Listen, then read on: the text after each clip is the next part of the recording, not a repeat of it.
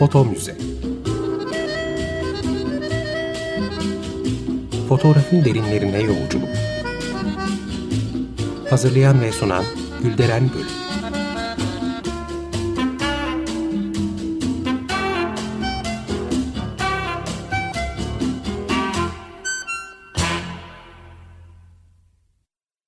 Merhaba değerli dinleyiciler.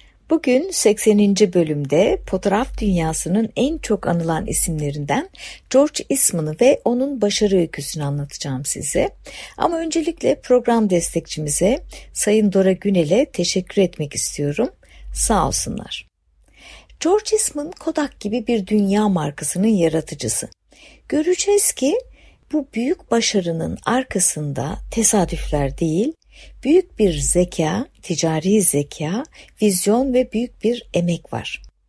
George Eastman 1854 yılında annesi Maria Kilburn ve babası George Washington Eastman'ın üçüncü ve son çocuğu olarak New York'ta Waterville adlı küçük bir kasabada dünyaya geliyor.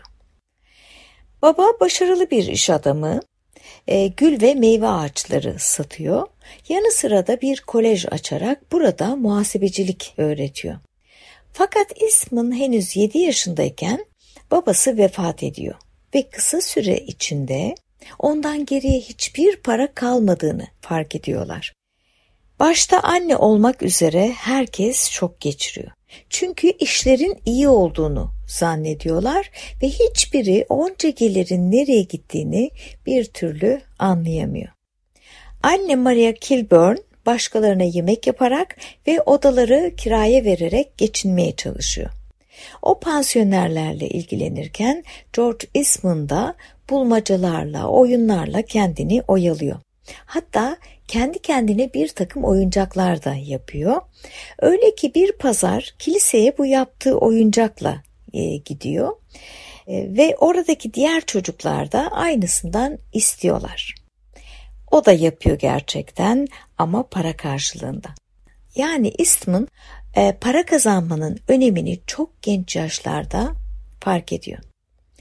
14 yaşındayken kendisinin özel bir yeteneğe sahip olmadığı sonucuna varan okulunu terk ediyor ve bir sigorta şirketinde kurye olarak çalışmaya başlıyor. Buna mecbur da hissediyor çünkü ablalarının ve annesinin maddi desteğe ihtiyacı olduğunu görüyor ve bu konuda da sorumluluk alıyor. Birkaç iş yeri ve pozisyon değiştiriyor sonrasında ve her bir hamlesinde maaşını yükseltmeyi başarıyor. Yani küçük yaşlarından itibaren parayla yakın bir ilişkisi oluyor isminin. Her zaman nasıl para kazanılacağını iyi biliyor. Onun karakteristik özelliklerinden biri gereği de kazandığı ve harcadığı her bir kuruşun hesabını tutuyor. Yine de bunca uğraşa rağmen hala aile masraflarını karşılayacak bir gelir elde edemiyor.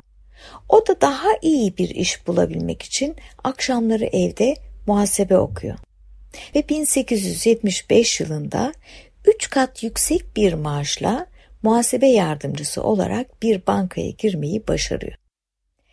24 yaşına geldiğinde Santo Domingo'ya bir tatil planı yapıyor ismin ve bir arkadaşı da bu geziyi fotoğraflamasını öneriyor.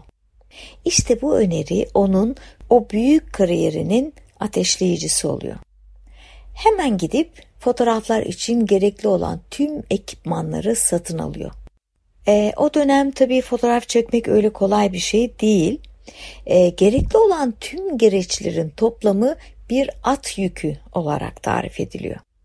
Ayrıca fotoğrafik işlemler de oldukça karmaşık ve zor. Dönemin fotoğraf dünyası e, o zamanlarda ıslak kolodyon dediğimiz zor bir e, proses kullanmaktaydı. Neydi bu ıslak kolodyon? E, kimyasalların cam üzerine çekimden hemen önce sürülmesi gerekiyordu. Aksi takdirde kısa süre içinde bu kimyasallar bozulmaktaydı. Eastman planladığı geziye çıkamıyor ama kendini tamamen fotoğrafa kaptırıyor.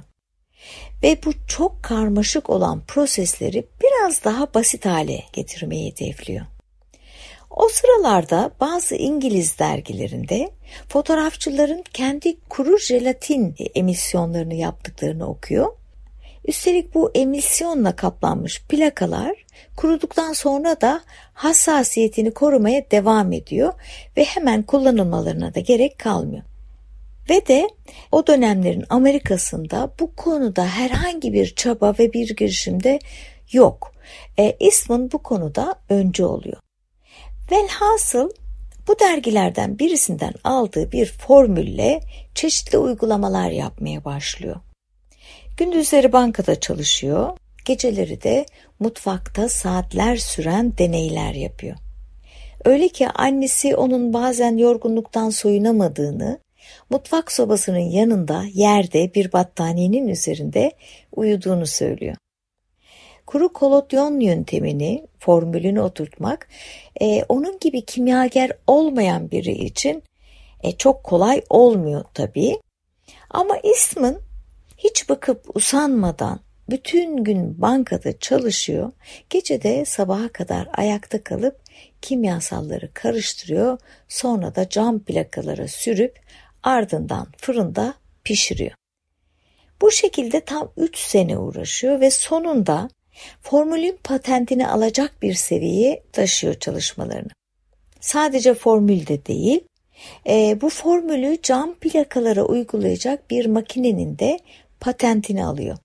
Amacı seri bir şekilde üreterek diğer fotoğrafçılara satmak.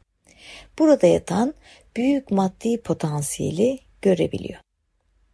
Onun ürettiği bu kuru plakalar New York'ta bulunan ve ulusal çapta fotoğraf malzemeleri satan büyük bir şirkete kadar ulaşıyor.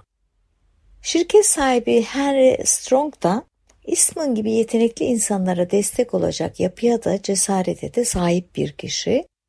Henry Strong bu işe para koyuyor ve ortak oluyorlar. Eastman 1881 yılında Rochester'daki bir binanın üçüncü katını kiralayarak burada Eastman Dry Plate Company adıyla kuru levhalar üreten fabrikasını açıyor.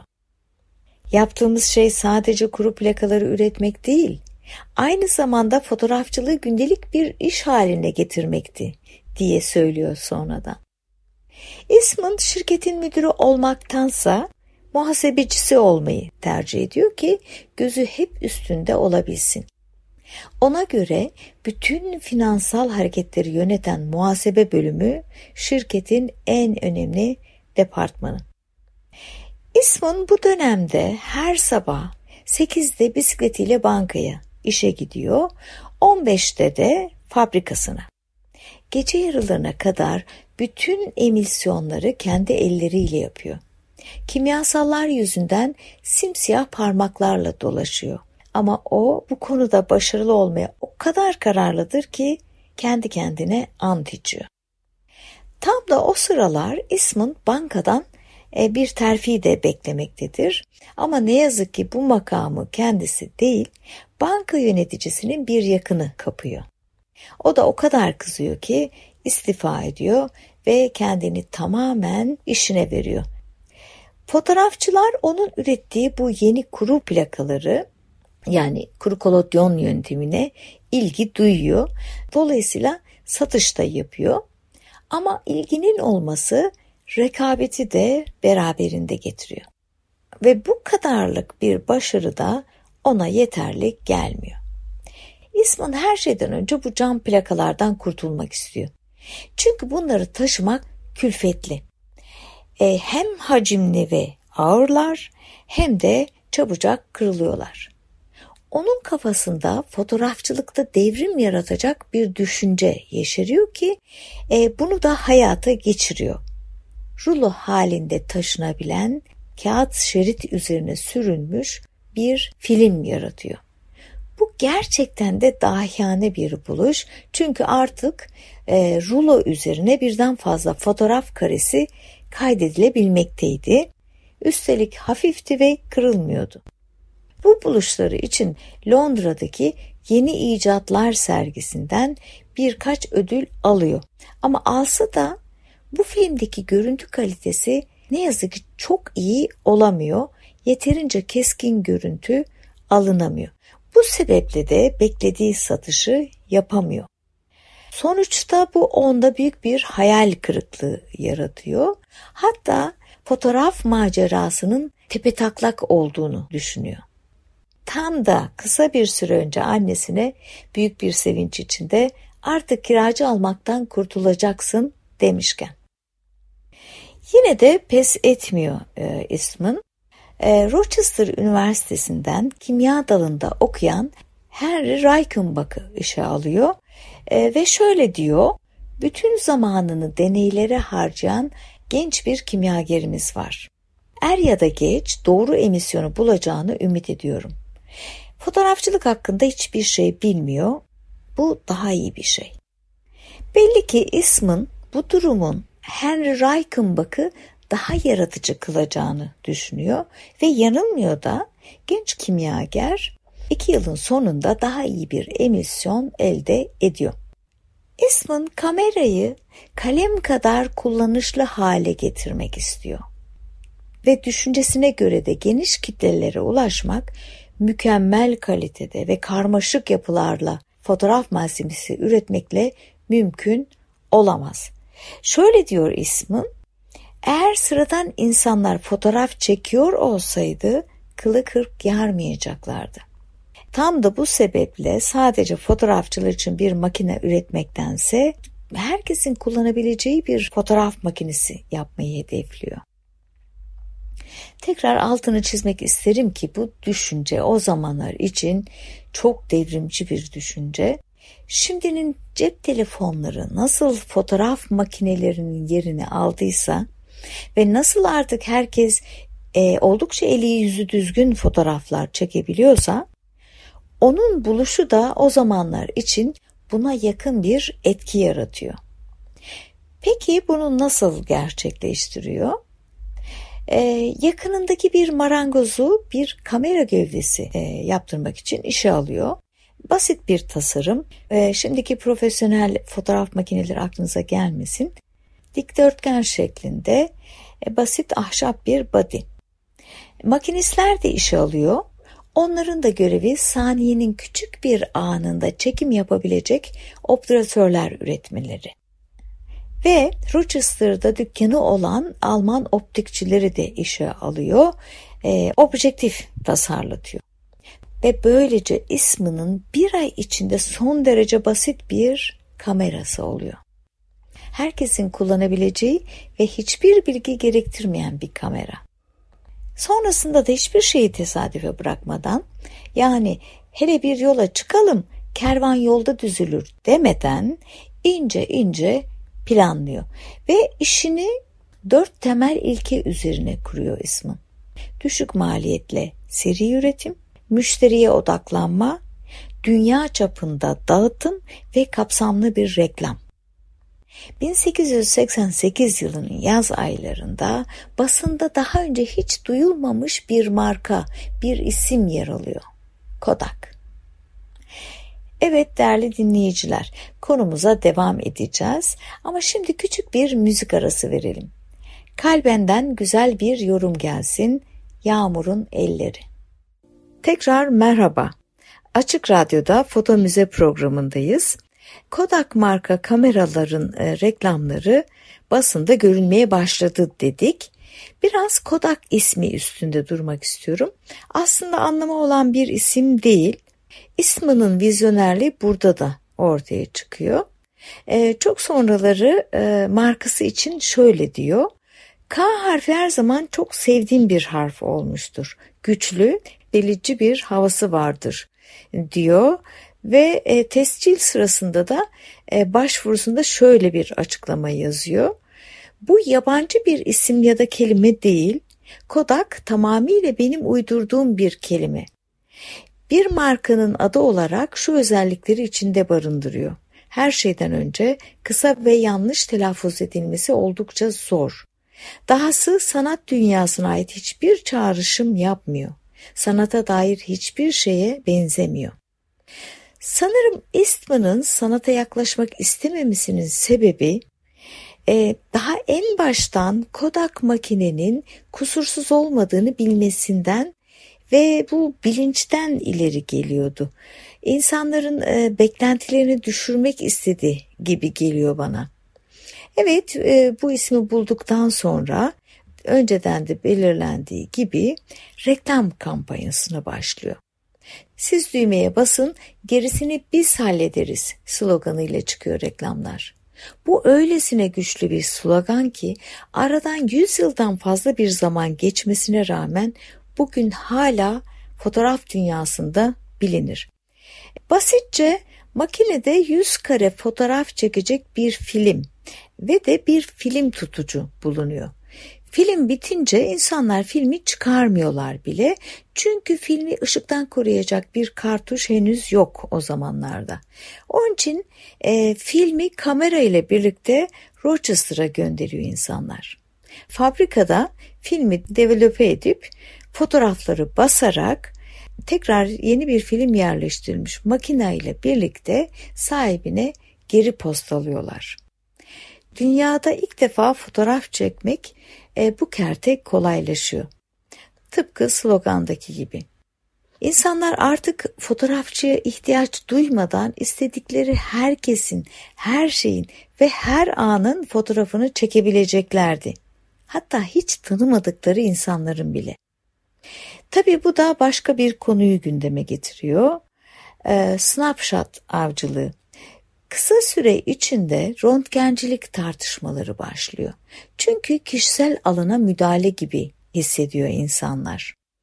Plajlarda gizli çekimler yapan bu insanlara fotoğraf şeytanları, kamera şeytanları gibi e, isimler veriliyor o zamanlarda. İsmin bir yıl içinde 13 bin Kodak makine satıyor ve fabrikada günde 6 binden fazla fotoğraf basılıyor. Sonuç onun için çok çok tatmin edici oluyor. Makinesinin Avrupa'da da yaygınlaşmasını istiyor ve e, oldukça seyahat etmeye başlıyor. Bunlardan birinde Londra'da yaşayan Amerikalı bir çiftle George Dickman ve eşi Josephine Dickman'la arkadaş oluyor. İsmin özel hayatında utangaç ve antisosyal olsa da Dickman'larla dost oluyor. Onlar da ismına e, kültürel olarak çok şey katıyorlar. Vizyon kazandırıyorlar. Onu en üst düzey İngiliz sosyetesiyle tanıştırıyorlar.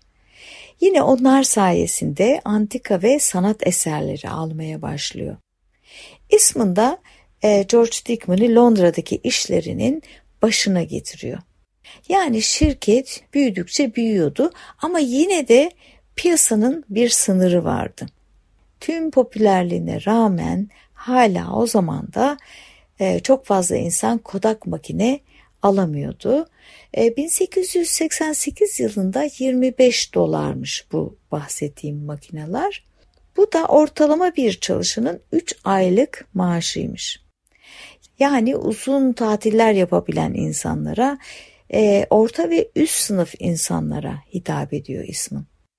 Zaten Kodak e, reklamlarında ve fotoğraf zarflarında e, bu makineler deniz kenarında betimlenen kadınların ellerinde e, çiziliyor ve piyasaya başarılı mesajlar gönderiliyor. Bana göre bu reklamlar bugün gelinen seviyede bile oldukça başarılı çalışmalar. Ben de Foto Muze Türkiye adlı Instagram ve Twitter hesaplarında bir kısmı kendi koleksiyonumdan olan eski zarfları paylaştım. Oradan da inceleyebilirsiniz. Tabii takip etmeyi de unutmayın. Evet bu makinelerin e, hala pahalı olmasının sebeplerinden biri de e, fotoğraf basma işlerinin de pahalı olmasıydı. Çünkü makinenin gidip gelmesi de çok zaman alıyordu. Öte yandan bir konu daha vardı. O da kağıt tabanlı film grenli sonuçlar veriyordu. Çünkü ne de olsa taşıyıcı kağıdın bir dokusu vardı ki bu doku sonuca yani baskılara yansıyordu.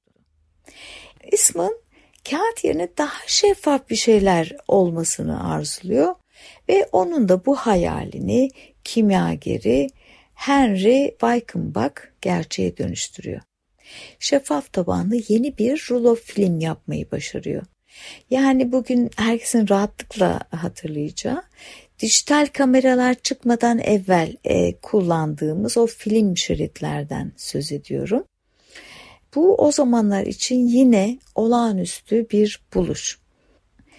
Eastman transparan bu filmin tutacağından o kadar emin oluyor ki şehrin dışında büyük bir üretim yeri inşa ediyor ve Reichenbach'ı e, güzel bir şekilde ödüllendirerek 50 hisse veriyor.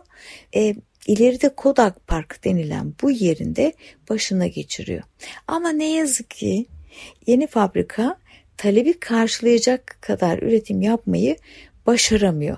E, bu ismini yıkıyor ve bu ve birkaç sebepten dolayı daha Reichenbach'ı kovuyor.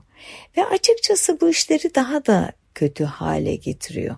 Sonradan alacağı kimyagerler de pek başarılı olamıyor. Ta ki William Stuber'a kadar. O bir kimyacı değil, e, fotoğrafçı. Onun emisyonları Avrupa'da öğrendiği formüllere dayanıyor. E, Stuber birkaç ay çok gizli bir şekilde çalışıyor. Hatta Eastman dahi laboratuvara giremiyor. Ve sonunda 1894 baharında başarılı bir emisyon bularak tam zamanında müthiş ve yeni bir endüstrinin patlamasına yol açıyor. Sinemanın. Onun filmleri birkaç sene sinemacıların en çok tercih ettiği film oluyor ve böylece şirket ayağa kalkıyor. Dünyanın da ekonomik depresyondan çıkmaya başladığı bir zamana denk geliyor bu dönem ve şirket evlilikleri de başlıyor bu zamanda. Eastman Kodak Company'nin şiarı dünyanın en büyük fotoğraf üreticisi olmak. E, bunu da başarıyor. E, bütün Amerika'nın fotoğraf piyasasına hakim oluyor. Diğer şirketleri bir bir almaya onların teknolojilerini kullanarak Kodak'ın daha ucuz bir versiyonunu üretmeye başlıyor. 1900 yılı geldiğinde ise Brownie kamerayı piyasaya sürüyor ismin. Ve bu yeni kamerayla birlikte maliyeti 25 dolardan 1 dolara düşürüyor. Fotoğrafı asıl demokratikleştiren şeyin bu olduğu konusunda uzmanlar hemfikir. Brownie e, popüler bir e, hikaye kitabında bir karakterin ismi. E, bu da bilinçli bir tercih. Çünkü isminin hedefinde bu kez çocuklar oluyor. Yeni bir tüketici kitlesi yaratmak istiyor. Çünkü ileride bu çocukların daha kaliteli makineler alacağını gözden kaçırmıyor. Bundan sonra reklam imajlarında çocukları sıkça görmeye başlıyoruz. 1900 yılında 150 bin Brownie kamera üretiliyor ki e, bu o zamana kadar yani 12 yıl boyunca sattıklarından daha fazla. Bundan bir müddet sonra emekli hayatı yaşamaya başlıyor ve kendini daha çok hayır işlerine veriyor. Aslında ismin patron olarak çok sevilen biri değil. Ee, insanları boğacak kadar detaycı ve kuralcı biri. Ama dediğim gibi bu tarihten sonra çok hayır işleri yapıyor. Ve yine bu sıralarda e, bir de omurga hastalığına yakalanıyor ve sonucunda da tekerlekli sandalyenin kaçınılmaz olduğu bir hastalık bu ve ağrılarının da artacağı anlamına geliyor. 1932 yılında İsm'in arkadaşlarına ben görevimi tamamladım. Öyleyse neden bekleyeyim diye bir not bırakarak intihar ediyor. Ama bildiğiniz gibi Kodak efsanesi bugün hala ayakta. Evet değerli dinleyiciler bugünlük de bu kadar. Sağlıcakla kalın.